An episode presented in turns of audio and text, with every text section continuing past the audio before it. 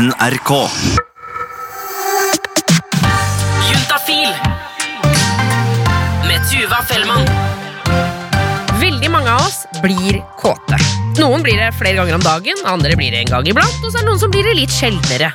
Det som jeg synes er så gøy, det er at vi blir jo kåte av forskjellige ting. Det er klart at det ofte er noen likhetstrekk, men det er forskjellige ting som trigger. I dag så er det en såkalt Q&A her i Juntafil, og vi skal ta for et spørsmål som dreier seg rundt akkurat dette her. Men det å bli kåt av noe som kanskje ikke alle andre blir kåte av. For det kan jo både føles skummelt og kanskje ensomt, og det skal vi snakke om, for dagens innsender blir kåt av boblejakker. Vi skal grave oss ned i dette her, i tillegg til en drøss av andre spørsmål. Velkommen til Juntafil. Det er en glede å være her. Jeg heter Tuva Fellmann, og nå setter vi i gang.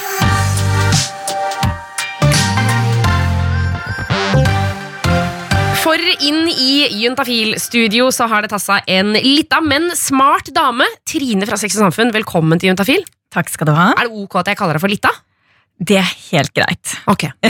For du er vel definisjonen, ikke at jeg skal drive og definere kropper og sånne ting, men du er definisjonen av petit. Ja, det har jeg fått høre. Jeg har ofte blitt kalt for hun lille. Hun lille? Ja, det er liksom Men bikker det over til å bli irriterende, syns du? Eh, når eh, jeg blir løftet når jeg er på utesteder, da er det irriterende.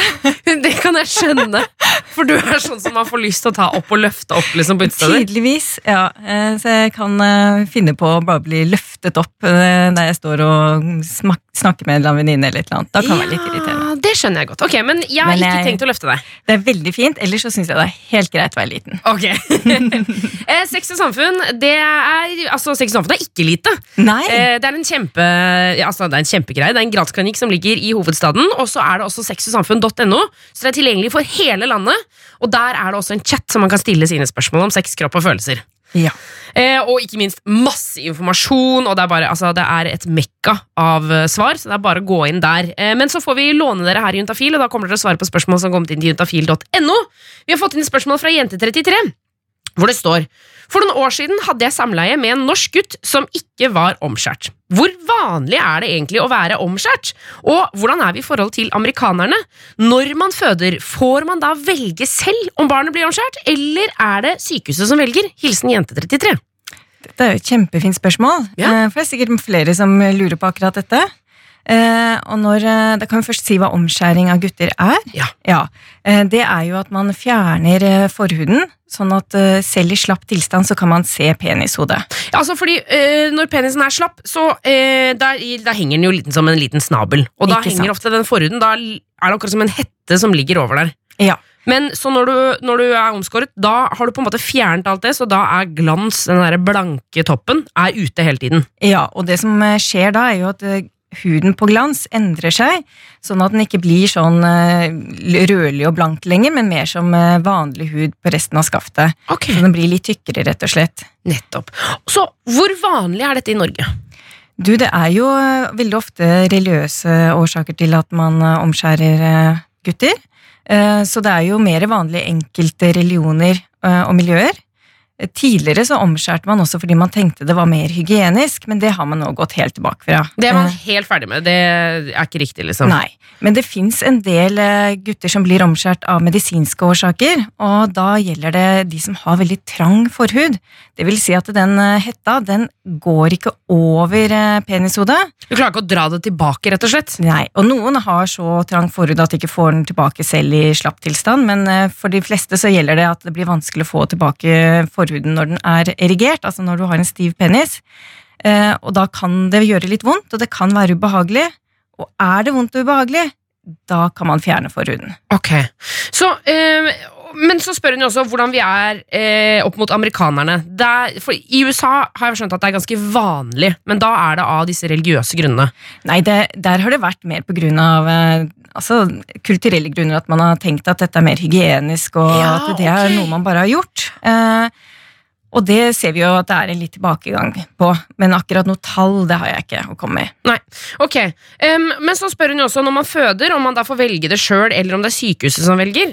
Det er jo helt klart uh, ikke sykehuset som velger dette.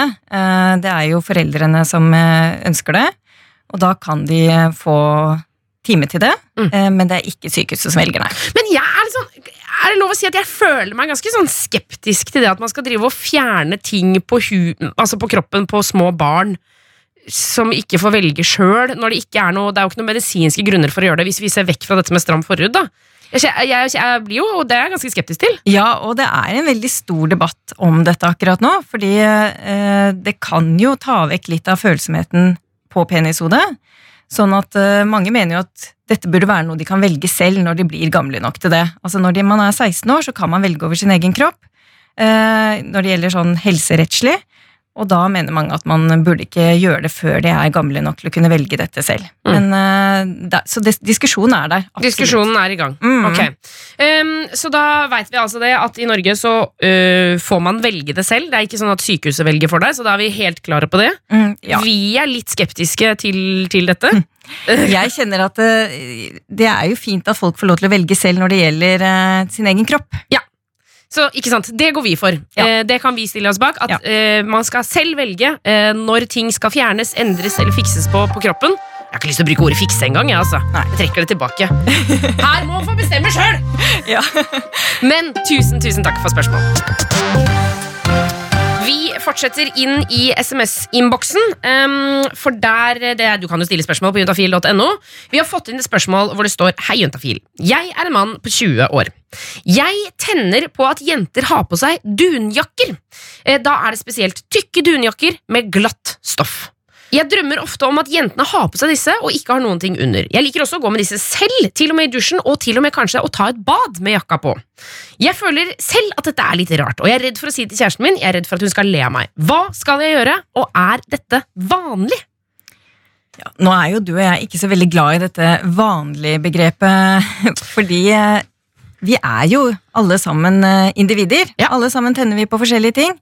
Og hva som er vanlig, spiller jo derfor egentlig ikke så stor rolle. Det har ikke så mye å si om det er dritmange som gjør det eller ikke. Nei. Eh, Men det er klart at jeg tenker jo Det første ordet jeg får opp i hodet, er jo fetisj. Jeg Ja. tenker at dette kanskje er en fetisj, og det er jo når man tillegger liksom noe seksuelt Altså eh, ting eller situasjoner eller oppførsel, tillegger det en liksom seksuell verdi, da. Ikke sant?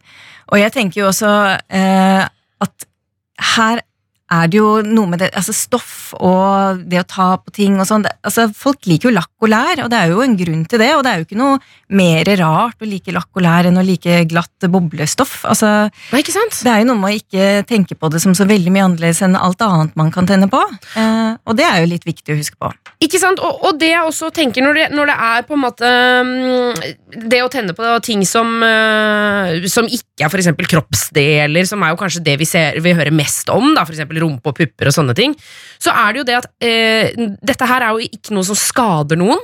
Det er ikke noe farlig. Det er ikke noe sånn, det er ingen negative ting ved det. Det er liksom ikke noe, det er jo boblejakker. Det, er- det er jo, gjør jo egentlig ingenting. Nei, nei, nei. Men jeg skjønner tanken også at man blir litt stressa fordi det kanskje ikke er nødvendigvis så mange andre som tenner på boblejakker, og da kan det føles litt ensomt. Ja, og det er jo det som ofte er eh, problemet for de som har sånne fetisjer, er jo det at de, de skammer seg over det, og de er redd for at andre skal synes at de er rare. eh, og, men man må bare huske på at alle har litt sånne merkelige ting de tenner på, som de kanskje bare har oppi hodet sitt og ikke tør å si høyt. Mm. Eh, og det er jo helt greit. Eh, og så lenge, sånn som du sier, så lenge det er en fetisj som ikke skader noen, eller som gjør noen noe skade, Mm. så er det bare fint å ha en ting man kan tenne på. Men hva skal han gjøre overfor kjæresten, da? Han sier at han er jo redd for å si til kjæresten, og redd for at hun skal le av deg. Eller le av han. Men jeg tenker jo også at det, For meg så høres det ut som at han kanskje har lyst til å si det. Altså fordi Hvis man syns det er jæskla digg med boblejakker, og man har en kjæreste, så har man jo kanskje lyst til at den kjæresten skal være med på den fetisjen. på en måte Ja. Så hvordan skal han gå frem hvis han skal bestemme seg for å fortelle det til kjæresten? Ja, ikke sant. Eh, hvis du bestemmer deg for å fortelle det, så er det noe med å kanskje først må åpne opp for at hun har noen fetisjer. Altså, Ja! Man kan si sånn eh, Vet du hva, jeg har tenkt på nå, Er det noe du går og tenker på, noe som du liksom tenner på? Så kanskje starte med å åpne opp for at kanskje hun har noen tanker. Ikke sant? For det gjør det jo litt lettere å komme i gang med sine egne følelser når man har starta opp litt. Og så tenker jeg altså sånn, ikke sant, og Idet han stiller henne det spørsmålet, eh, og så sier hun ja, eh, jeg tenner jo på liksom, der, der, der, der, hva med deg? Eh, og da går det jo an for eksempel å eh, altså, kanskje trappe litt opp. da Ikke nødvendigvis starte med 'jeg vil at du skal gå i blank boblejakke', men heller si sånn 'jeg syns eksempel det er så sjukt fint å ha på seg en, liksom, klær som er åpen uten noe under'. For det tenker jeg sånn Det finnes jo titusenvis av sånne modellporrbilder hvor det står en jente i sånn olajakke, og så henger puppene ut, liksom. Så det tenker jeg er sånn Det er jo en ganske standard greie å synes er digg, er det ikke det? Ja, og man eh, trenger jo ikke å gå helt inn med at man skal si 'jeg vil at du skal dusje med boblejakka på'. Nei. Man kan begynne med å trigge litt grann og si sånn åh, jeg, jeg kjenner når jeg ser sånne boblejakker, så åh, jeg syns det er så deilig å ta på de, eller ja. Og det er jo det samme med lakk og lær, at det er litt av den sensasjonen med å ta på det, og hvordan det ser ut, og, og det er helt, eh, helt innafor. Helt innafor. Ok, så um, begynn med å si til eh, kjæresten din at eh, jeg lurer på om du kanskje har noen, noen, ting, noen spesielle ting du tenner på. Og så, for å gå inn med litt sånn rolig inngang Og så må man jo alltid huske på at når man har lyst til å fortelle om eh, en fetisj til den man pleier å ligge med, så kan det jo også hende at de ikke er komfortable med det som blir forespurt. på en måte. Ikke sant? Så det må vi bare ha i bakhodet at det må også være greit at hun sier sånn Du, ellers takk, jeg har ikke lyst til å ha på meg ei boblejakke når vi har sex. Det kan jo bli litt varmt. Det kan jo bli litt varmt. Helt riktig. Det kan bli litt varmt. Men jeg har trua. Dette kommer til å løse seg. Ja. Til juntafil.no så altså, kommer det inn en god del spørsmål hver eneste uke. Du må fortsette å sende inn. Spør om hva du vil når det kommer til sex, kropp og følelser. Og du kan stille spørsmålet ditt akkurat nå. Så er vi så heldige å få eh, besøk. Um, og Trine, nå skal vi ta for et spørsmål som kommer inn ganske ofte. Jaha. Her står det Hei, juntafil. Jeg lurer på om dere har noen tips til å få den dama jeg har sex med, til å få orgasme. Holder det med vanlig penetrering, eller må jeg til med oralsex? Hilsen gutt 21. Åh, det er så fint spørsmål. Ja. Eh, ja, fordi eh, det er ikke så rart de mange lurer på dette her. Eh, når man eh, kanskje ser eh, filmer på nett og sånne ting, så virker det som om det å penetrere, det er eh, løsningen på det meste. Der ser det ut som at det er liksom eh, alfa og omega. Der eh, dures det på med dunking fra altså pikk i fitte, eh, Ja. og det gir noen helvetes orgasmer. Ja, og det skal gjerne vare ganske lenge også. Ai, ai, ai. Ja, ja, ja, helst en halvtime. Ja, ja, minst. Ja, eh, og sånn er det jo eh, sjeldent. Eh, Og det som er veldig viktig å huske på, er at eh, jenter må være ordentlig kåte før man har eh, penetrerende samleie. Ja. Det må være vått, og det må være mm, ordentlig Altså, det skal ikke være hardt å komme inn i eh, skjeden. Ja, fordi vi, vi må bare ta en runde på liksom, hvordan vet man at man er kåt? Eller kåt nok, da. Ja. For jenter så er det jo sånn at eh, blod kommer til, akkurat sånn som for gutter. Gutter får jo en ereksjon eh, fordi svamplegemene i penis fylles med blod. Og sånn er det faktisk for jenter også. Klitoris har svamplegemer, og de fylles med blod, sånn at eh, underlivet det blir mer rødt og varmt. Og blåst opp litt Ja, rett og slett. Eh, blåst opp. Eh, Så de også får en sånn eh, klitorisereksjon. I tillegg så er det masse blodårer rundt skjeden. Mhm. Og når det blir masse blod til skjeden, så pipler det altså væske over, sånn at man blir våt. Dette her synes jeg er så fascinerende, for jeg skjønner liksom ikke hvor den væsken kommer fra. Altså, Kommer den fra veggene? Kommer den bare ut som svette, liksom? Ja, altså, Svette skilles jo ut av sånne kjertler, men eh, det er litt mer som en sånn Når det blir så innmari mye trykk da, Ja. inni disse blodårene, Ja. så blir det så mye trykk at de dytter litt uh, væske over. Fordi de har liksom ikke, Det har kommet så mye blod, altså de bare, det er noe væske her, vi har ikke plass til dette, vi må Ja. prioritere blodet, dytt væska ut. Og så har man da sånne egne kanaler som da liksom Å, her er det Kom inn her, her er det Her er plass. og så blir det altså vått i skjeden. Eh, I tillegg til at man har en del andre kjertler også som smører, kommer med sånn fint eh, smøremiddel. Sånn at eh, noen jenter blir veldig fort våte, og blir veldig våte, mens andre ikke blir like våte. Og det er litt sånn forskjellig fra person til person, og også forskjellig fra gang til gang. Så det vil si at, og da kan man jo eventuelt, hvis, hvis man eh, er tilstrekkelig godt, altså hvis man er ordentlig godt og fortsatt føler at det er litt tørt, så går det an å bruke glidemiddel, for eksempel. Absolutt. Men vi må også ta en runde på, for eksempel, han skriver, holder det med vanlig penetrering, eller må jeg til med oralsex? Altså før, mellom der, penetrering og oralsex, så har jeg bare lyst til å tipse om klitoris. Ja. For jeg tenker at det er ganske vesentlige greier her. For det er jo så få som får orgasme av penetrering. Og den klitoris, altså det er en grunn til at den blir erigert. Altså Den er ganske stor. Den er eh, nesten åtte centimeter stor. Men det er jo bare bitte lite sånn hode som vi kan se. Mm. Eh, men det strekker seg altså innover i, rundt skjeden og i, ved kjønnslepper. Mm. Og det blir så følsomt der når man får denne klitorisereksjonen. Og det er akkurat som gutter syns det er godt å bli tatt på penishodet, så syns jenter også at det er godt å bli stimulert på klitoris. Så da kan det hende at mens dere har sex, for eksempel, mens dere penetrerer, så går det an å stimulere klitoris. Altså ta på, gni, være borti, liksom føle seg litt frem rundt der. Og da kan det hende at det åpner opp for en ganske nice opplevelse. Og man kan også gjøre det på forhånd. Altså Man kan eh, liksom prioritere kjæresten først, og så kjøre på, og så ha penetrerende samleie etterpå. Ikke sant? Med litt ekstra attåt. For eksempel. Og så, eh, helt på tampen her, gutt 21, eller mann 21, eh, oralsex, det er jo også bare å begynne med hvis man har lyst til det. Absolutt. Hvis hun syns det er eh, deilig og godt, så er jo det topp topp. Topp, topp, topp. Og så skal du få klapp på skulderen for å ville gi orgasmer. Det synes jeg, Der er du god. Mann 21, der er du god, god, god.